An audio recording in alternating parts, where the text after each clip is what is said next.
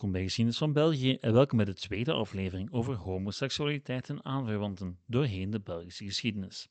Vorige keer had ik het vooral over de brede context, over hoe Chinezen, Grieken, Romeinen en middeleeuwers naar homoseksualiteit keken.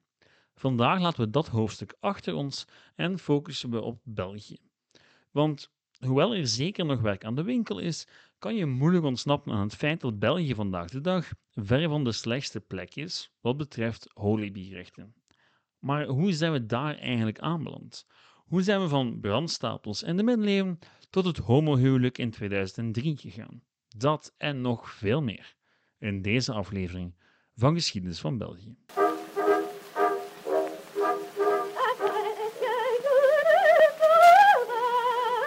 Laat me beginnen met een duidelijke disclaimer. Dit overzichtje is beperkt. In de eerste plaats omdat ik niet alle tijd van de wereld heb, maar ook omdat er nog heel wat werk te doen is voor historici. Want, tja, onze maatschappij verandert. En dan is het ook maar logisch dat ook de geschiedschrijving verandert en op nieuwe onderwerpen haar licht laat schijnen. Dat gebeurt, zeker wel, maar er is ook tijd voor nodig. En de eerste stappen naar een goede overkoepelende geschiedenis van LGBTQ zijn wel al gezet, maar er ontbreekt nog een heleboel. Over seksualiteit tussen vrouwen weten we nog veel te weinig, net als over transgenders. Niet omdat de bronnen er niet zijn, maar omdat een nieuwe generatie onderzoekers nog maar net begonnen is aan het titanenwerk om ook dat in kaart te brengen. Dus er is wat geduld voor nodig en tja, deze aflevering zal dus regelmatig een update nodig hebben. En, en dat is maar goed ook. Het is maar normaal dat de geschiedschrijving zich wat aanpast aan de fenomenen die nu maatschappelijk relevant zijn. En daar hoort homoseksualiteit, transgenders en alle andere zaken die bij LGBTQ horen zeker ook bij. Goed, nu het opgraven daarvan, van die kennis en naar een publiek brengen, dat is de taak van historici. En daar ga ik vandaag een kort overzicht over geven van wat er nu eigenlijk al bekend is. In de vorige aflevering rond dit onderwerp vat ik al een heleboel meer algemene zaken rond de geschiedenis van homoseksualiteit samen. Wie die eerste aflevering nog niet gehoord heeft, zal het misschien wat moeilijk hebben om te volgen. Dus, aanrader, luister eerst daarnaar. Oké, wat kan ik u dan nu wel al vertellen over dit onderwerp? Wel, Kort samengevat, we komen van ver. Van heel ver. Neem nu Brugge, u weet wel, het Venetië van het noorden. Wel, nergens in Europa werden tijdens de late middeleeuwen zoveel mensen vervolgd voor sodomie. Nu, sodomie was, zoals ik in de eerste aflevering al zei, een zeer breed begrip tijdens de middeleeuwen. Er viel van alles onder, van pedofilie tot bestialiteit, maar ook homoseksualiteit zoals we die vandaag definiëren. Wel, oké, klopt niet helemaal. Vandaag beschouwen we homoseksualiteit als een manier van leven, ook als een identiteit eigenlijk. Toen werd homoseksualiteit enkel en alleen gezien als een daad, een fysieke seksuele daad. Een die per definitie zondig was en dus bestraft moest worden. Vanaf de late middeleeuwen was die straf de brandstapel. Wat me brengt tot volgende relatief akelige conclusie. In zowat elke belangrijke middeleeuwse stad van hedendaags België werden mensen verbrand omwille van hun seksualiteit. Gent, Mechelen, Brussel, Brugge, Antwerpen enzovoort.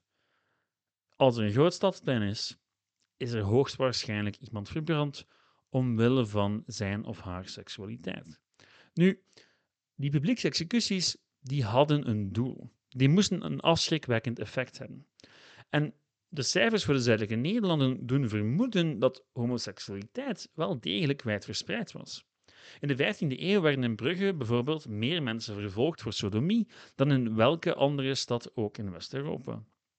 Een oorzaak is moeilijk aan te wijzen, maar de theorie die vaak naar voren wordt geschoven is die van de zondebok. Want Brugge was er op het einde van de 15e eeuw niet zo goed meer aan toe. Het zwin begon te verzanden en bij gevolg zakte de handelsmetropool langzaam maar zeker weg. En die economische neergang kon men maar moeilijk in de hand houden. Het zedelijk gedrag van zijn inwoners daarentegen, dat wel. En dat deden die inwoners in de eerste plaats zelf. Roddels en verklikking zorgden ervoor dat een heleboel mensen voor het gerecht belanden. En die gerechtsdossiers zijn dan ook onze voornaamste bronnen. En daaruit blijkt dat het vaak om seks met onderlinge instemming ging, op specifieke plekken en vaak ook als een aanvulling op een doorsnee huwelijk. Net als bij de Grieken trouwens. Alleen was bij de Grieken ja, geen geheim en geen stigma en kon je er zeker niet voor ter dood veroordeeld worden. In totaal werden tussen 1400 en 1550 zo'n 272 mannen en 25 vrouwen ter dood veroordeeld voor sodomie.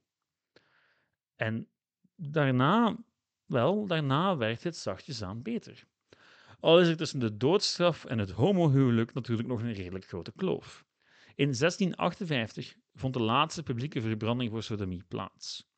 Al in de decennia daarvoor echter was het bestraffen van sodomie een veel minder publieke zaak geworden. Oké, het werd nog steeds bestraft, maar veel achter gesloten deuren. Want ja, het was misschien toch beter om het gewoon dood te zwijgen. Want zo van die publieke executies, misschien bracht het mensen toch alleen maar op ideeën. En bij gevolg werden homoseksualiteit en dergelijke gewoon doodgezwegen. En dat zou nog een hele tijd duren. En toch weten we er een heleboel van. Want wie betichter van sodomie onderging nog steeds een juridisch proces. En daarbij werden een heleboel vragen gesteld. Uh, heel specifieke vragen en meestal over de seksuele praktijk. En dat leidde natuurlijk tot een heleboel boeiende uitspraken en details die ik hier niet uitgebreid ga citeren. Maar er is bijvoorbeeld het proces van Maiken de Brouwere en de vermeende hermafrodiet Magdalene van de Stenen. Vermeend, want Magdalene van de Stenen zou met meerdere vrouwen gelegen hebben. Nu, het juridisch onderzoek naar die zaak resulteerde vooral in een hele lijst van vrouwen waarmee die Magdalene zou gelegen hebben. Ze werd trouwens ook van hekserij beschuldigd. Nu, een eerste echte doorbraak, als we het hebben over rechten voor holibies, kwam er pas in 1795. Trouwe luisteraars zullen bij die datum al een belletje horen rinkelen. Want jawel, 1795 was een jaar na de Tweede Franse bezetting en het jaar waarin de zuidelijke Nederland geannexeerd werden bij grote broer Frankrijk. Een jaar dus waarin de Fransen het Ancien regime in de zuidelijke Nederland op de schop namen en een heleboel nieuwe wetten invoerden. Een van de wetten die sneuvelden was die op sodomie, waardoor technisch gezien homoseksualiteit niet meer strafbaar was. Technisch gezien weliswaar. Want er bestond nog steeds zoiets als de wet op de openbare zedenigsgennis, die politie de kans bood om homoseksuelen nog steeds te vervolgen. Maar dit brengt ons wel tot een gigantische paradox. In 1795 hadden homoseksuelen in de zuidelijke Nederlanden er juridisch nog nooit zo goed voorgestaan. In de praktijk echter was het nog steeds verre van evident om openlijk holibi te zijn. En die situatie zou nog zeer lang duren. En desalniettemin is 1795 een zeer belangrijk jaar. Want voor het eerst sinds de middeleeuwen was er geen formele wet tegen homoseksualiteit. Wetten die vandaag de dag in een heleboel andere landen wel nog bestaan. Dus ja, je moet natuurlijk wel nuanceren. Want natuurlijk kwam je niet zomaar uit de kast en kwam je uit voor wie je was. Maar ja, je belandde ook niet automatisch in de cel of werd zeker niet automatisch op een brandstapel gegooid of gestenigd. Dus de situatie in zuidelijke Nederland was vanaf 1795 niet ideaal, maar ook lang niet zo slecht als in andere landen. Andere landen die vandaag de dag nog altijd dergelijke soort wetgeving hebben. Goed, op naar de 19e eeuw. In die eeuw gebeuren een heleboel boeiende dingen, onder meer in Brussel. Brussel in de 19e eeuw was de hoofdstad van een land met een voor zijn tijd zeer liberale grondwet. En dat had als gevolg dat heel wat mensen die elders vervolgd werden, hier hun heil kwamen zoeken.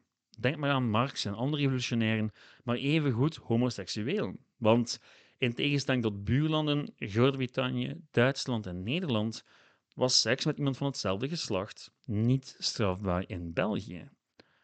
Al wil dat natuurlijk niet zeggen dat men zomaar met rust werd gelaten. Want nee, de homoseksuele liefde werd nog voornamelijk in het geheim bedreven en dus in openbare toiletten of parken. Wat natuurlijk radicaal inging tegen de zedenwetgeving. en de gangbare maatschappelijke moraal. Al was die maatschappelijke moraal in een stad waar lang niet iedereen elkaar nog kent, lang niet zo dwingend als elders. Neem nu de arrestatie van een zekere apotheker in 1867, nadat hij betrapt werd op onzedelijk gedrag met een lokale jongeling in de Schouwburg. Het bleek uiteindelijk om de burgemeester van Borgerhout te gaan. Die was in de anonimiteit van de grote stad zijn plezier komen zoeken. Er was echter veel meer aan de hand eind de 19e eeuw. Eh, er waren twee ontwikkelingen bezig die uiteindelijk op een zeer vreemde manier beiden positief zouden uitdraaien voor de Hollywood-beweging. Nu, laten we beginnen met een nieuwtje dat op het eerste zicht relatief slecht is. Want eind 19e eeuw was het beeld dat men een hogere kringen had over homoseksualiteit radicaal aan het veranderen. Het was niet langer een menselijke zonde, die vaak werd ingegeven door de duivel en geassocieerd werd met hekserij en dergelijke. Nee, het was een ziekte. En dat klinkt heel negatief, maar aan zich was het wel een stuk beter dan het hele bezeten door demonen en zondigen en dat soort zaken.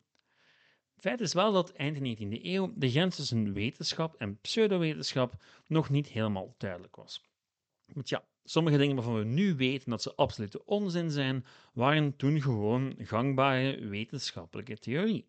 Denk maar aan rassentheorie of het idee dat je aan de hand van de vorm van iemands hersenen zijn of haar al dan niet misdadig karakter kan afleiden. Voor velen had wetenschap het antwoord voor elk maatschappelijk probleem ook voor homoseksualiteit. Wat dat betreft had de Duitse psychiater Richard von Kraft-Ebing het volgende te zeggen. Homo's verdienen medeleven en geen verachting, net zoals elke andere misvorming of functionele stoornis. Nu, dat lijkt verschrikkelijk, is het ook, maar in heel wat landen werd aan die conclusie een pleidooi gekoppeld voor decriminalisering. En als een soort van reactie daarop ontstonden de eerste homorechtenbewegingen. Maar niet in België. Want ja, in België was homoseksualiteit nog altijd niet strafbaar. En dat is waarschijnlijk de verklaring waarom de homorechtenbeweging in Vlaanderen en Wallonië maar zeer, zeer langzaam uit de startblokken zou schieten. Al veranderden er wel degelijk dingen. Neem nu de roman Escale Vigor van Georges Eekhout. Toegegeven, ik had van geen van beiden al gehoord voor deze aflevering, maar jongens, wat een ontdekking was me dat. Georges Eekhout was een tweetalige dichter en schrijver die zowel in het Nederlands als in het Frans publiceerde, overtuigd anarchist was en homoseksueel. Het was deze man die in 1899 Escale Vigor uitbracht. Een man die zich vooral bezighield met de liefde tussen twee mannen en de nogal gewelddadige reactie van de dorpsbewoners. Het mag dan ook niet verbazen dat het boek de nodige reacties uitlokte, inclusief een proces. Jawel, George Eekhout werd aangeklaagd voor dat boek. Het proces vond plaats voor het Hof van Assisen in Brugge en de aanklacht was de overtreding van de perswet door de inhoud van het boek. Het was ongeschikt voor een breed publiek. Nu, Eekhout kon op zeer veel steun rekenen uit progressieve, liberale en socialistische kringen, zowel voor als tijdens het proces. En dan kan je misschien het gevoel krijgen dat de Belgische maatschappij een radicale bocht had gemaakt. Dat men echt wel aandacht had voor de rechten van holibies. Wel, dat is wat te ver gezocht. Feit is dat de Belgische bemonde niet plots superveel interesse had in homorechten, maar eerder omdat dat proces deel uitmaakte van de strijd tussen de liberale en de katholieke zuil. En dat boek van Eekhout had bij de katholieke zuil een soort van ja, reactie teweeggebracht, waardoor de liberalen zich plots verplicht voelden om Eekhout te verdedigen in het kader van de strijd om de vrije meningsuiting. Op het einde van het verhaal trok Eekhout aan het langste eind. En hij zou zijn carrière met succes verder zijn. Want ja, de Belgische samenleving van rond de eeuwwisseling was in onze ogen dan wel oerconservatief, maar iemand als Eekhout kon wel degelijk een bloeiende carrière hebben. In 1903 werd de man zelfs aangesteld als lector Franse letteren aan een lerarenopleiding. Iets wat voor iemand met zijn achtergrond een paar decennia tevoren schier onmogelijk was geweest. Dus België was op zijn eigen manier relatief verdraagzaam. In elk geval in vergelijking met de buurlanden. Enerzijds omdat de wetgeving er redelijk liberaal was, en anderzijds omdat voor de politie homo's echt geen prioriteit waren. Ja, er waren af en toe raids op homocafés, maar dat viel allemaal best nog mee in vergelijking met elders. Nu, dat wil natuurlijk niet zeggen dat men openlijk rechten kon opeisen. Dat was er nog lang niet bij. En bij gevolg bleef België lange tijd een soort van grijze zone wat betreft holibierechten. Je werd er grotendeels met rust gelaten als holibi, maar van aanvaarding was nog lang geen sprake. En toch was die situatie eigenlijk een pak beter dan elders in Europa. Het is dan ook geen toeval dat wanneer in de jaren 30 Nazi-Duitsland homoseksuelen begint te vervolgen, een groot deel van hen de vlucht neemt naar België, naar Brussel om precies te zijn. Nu zou je denken dat na de oorlog een nieuw tijdperk aanbrak voor Belgische holibies. Want ja, de oorlog was voorbij en de maatschappij ontwikkelde zich met een razende snelheid richting de 60s. Peace and love, weet u wel. Nu, ironisch genoeg zijn net die jaren 50 een zwarte bladzijde in de geschiedenis van holibierrechten in België. En dat heeft alles te maken met de Koude Oorlog. Jawel. De spanning tussen de VS en de Sovjet-Unie had een rechtstreekse impact op het leven van holibies in België. Dat zat namelijk zo. Tijdens de vroege jaren 50 was de angst voor Sovjet-spionnen immens groot. En daar hoorde ook een angst bij voor ambtenaren of anderen in publieke positie die gechanteerd konden worden. Met, onder meer, hun seksualiteit. En het zorgde ervoor dat holibies in de VS, maar ook in België, uit zoveel mogelijk belangrijke functies geweerd werden. Die Pink Scare of Lavender Scare, zoals die wel eens genoemd wordt, ging wel degelijk over. Een groter probleem dat in dezelfde periode ontstond, was dat de visie van de medische wetenschap op holibies nog maar eens veranderd was. Het idee was ontstaan dat jongeren beschermd moesten worden tegen homoseksualiteit. In België gaf het in 1965 aanleiding tot een nieuwe wet, mee bepaald artikel 372 bis van het Belgisch wetboek. 170 jaar na de afschaffing van de wet op sodomie was er terug een wet die holibies specifieke straffen oplegde. Concreet verbood de wet seksueel contact tussen mensen van hetzelfde geslacht onder de leeftijd van 18, terwijl het voor seksueel contact tussen mensen van een ander geslacht gewoon 16 bleef. Oké, het ging niet om de brandstapel die terug werd ingevoerd, maar desalniettemin ging het wel degelijk om actieve discriminatie tussen holibies en heteroseksuelen. En toen gebeurde er iets. De nog steeds niet bijster actieve holibierrechtenbeweging in België werd wakker. Al opgericht in de jaren 50 werd ze pas vanaf 1965 echt politiek actief. En in de jaren die volgden vonden steeds meer holibies elkaar in allerlei verenigingen en slaagde men erin om het onderwerp tussen elkaar, maar ook in de bredere maatschappij, meer bespreekbaar te maken. En toen, in 1970, kwam de eerste BV uit de kast, op live tv. Wil Ferdi is een verdienstelijk slagerzanger, maar zal toch in de eerste plaats de Belgische geschiedenis ingaan als een van de eerste publiek bekende homoseksuelen. Verdi was het levend bewijs dat uit de kast komen geen altijd negatieve impact moest hebben op iemands carrière. Ja, sommige pastoors riepen hun parochiaan van op de kansel op om niet meer naar de mans muziek te luisteren, maar de gouden platen en tv-optredens, ja, die bleven niet uit. Zonder al te veel in detail te gaan, kan je dus wel al stellen dat in de jaren 70 de kentering werd ingezet.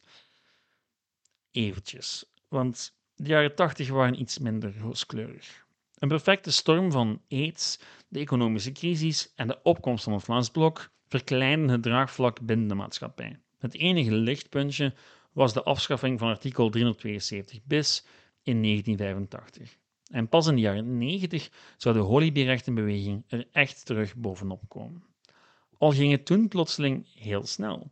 Want voor het eerst wisten de linker- en de rechtervleugel eindelijk aan hetzelfde zeel te trekken. En met de oprichting van de Lesbian en Gay Pride was er ook een zeer publieke uiting van de vraag naar erkenning en rechten. En die kwamen er ook. Eens de Christen-Democraten uit de regering verdwenen na de dioxinecrisis van 1999, was het hek van de dam. Paars, onder leiding van Guy Verhofstadt, zou de ene na de andere wet door het parlement jagen. Partnerschapsregeling, antidiscriminatiewet, homohuwelijk en adoptieregeling. Over het hoe en waarom van die hervormingen en wat de rol daarin was van de Holybierrechtenbeweging, valt natuurlijk nog veel meer te zeggen. Om nog maar te zwijgen over het leven als Holybie in de jaren 50, 60 en 70. Maar hier gaan we het vandaag wel bij laten. Dit was nu eenmaal een overzicht in vogelvlucht. Voor het laatste stukje geschiedenis van de jaren 50 tot de dag van vandaag hoop ik vroeg of laat een interview te kunnen doen met een expert, want ook daar valt nog zeer veel over te zeggen. Wie meer wil weten, wijs ik nog door naar Verzwegen Verlangen. Een geschiedenis van homoseksualiteit in België. Dat boek heeft als voornaamste bron gediend voor deze aflevering. Het is zeker niet compleet, maar het geeft een zeer goed en zeer boeiend overzicht. Volgende week behandel ik eindelijk een van de meest verzochte onderwerpen, bruggen. En ja, ik zal ook uitleggen waarom ik daar zo lang mee gewacht heb. Met vragen of feedback kan u me altijd bereiken via Facebook, Geschiedenis van België, de website geschiedenisvan.be of e-mail geschiedenisvan.hotmail.be. Bedankt voor het luisteren en tot volgende week. Ciao!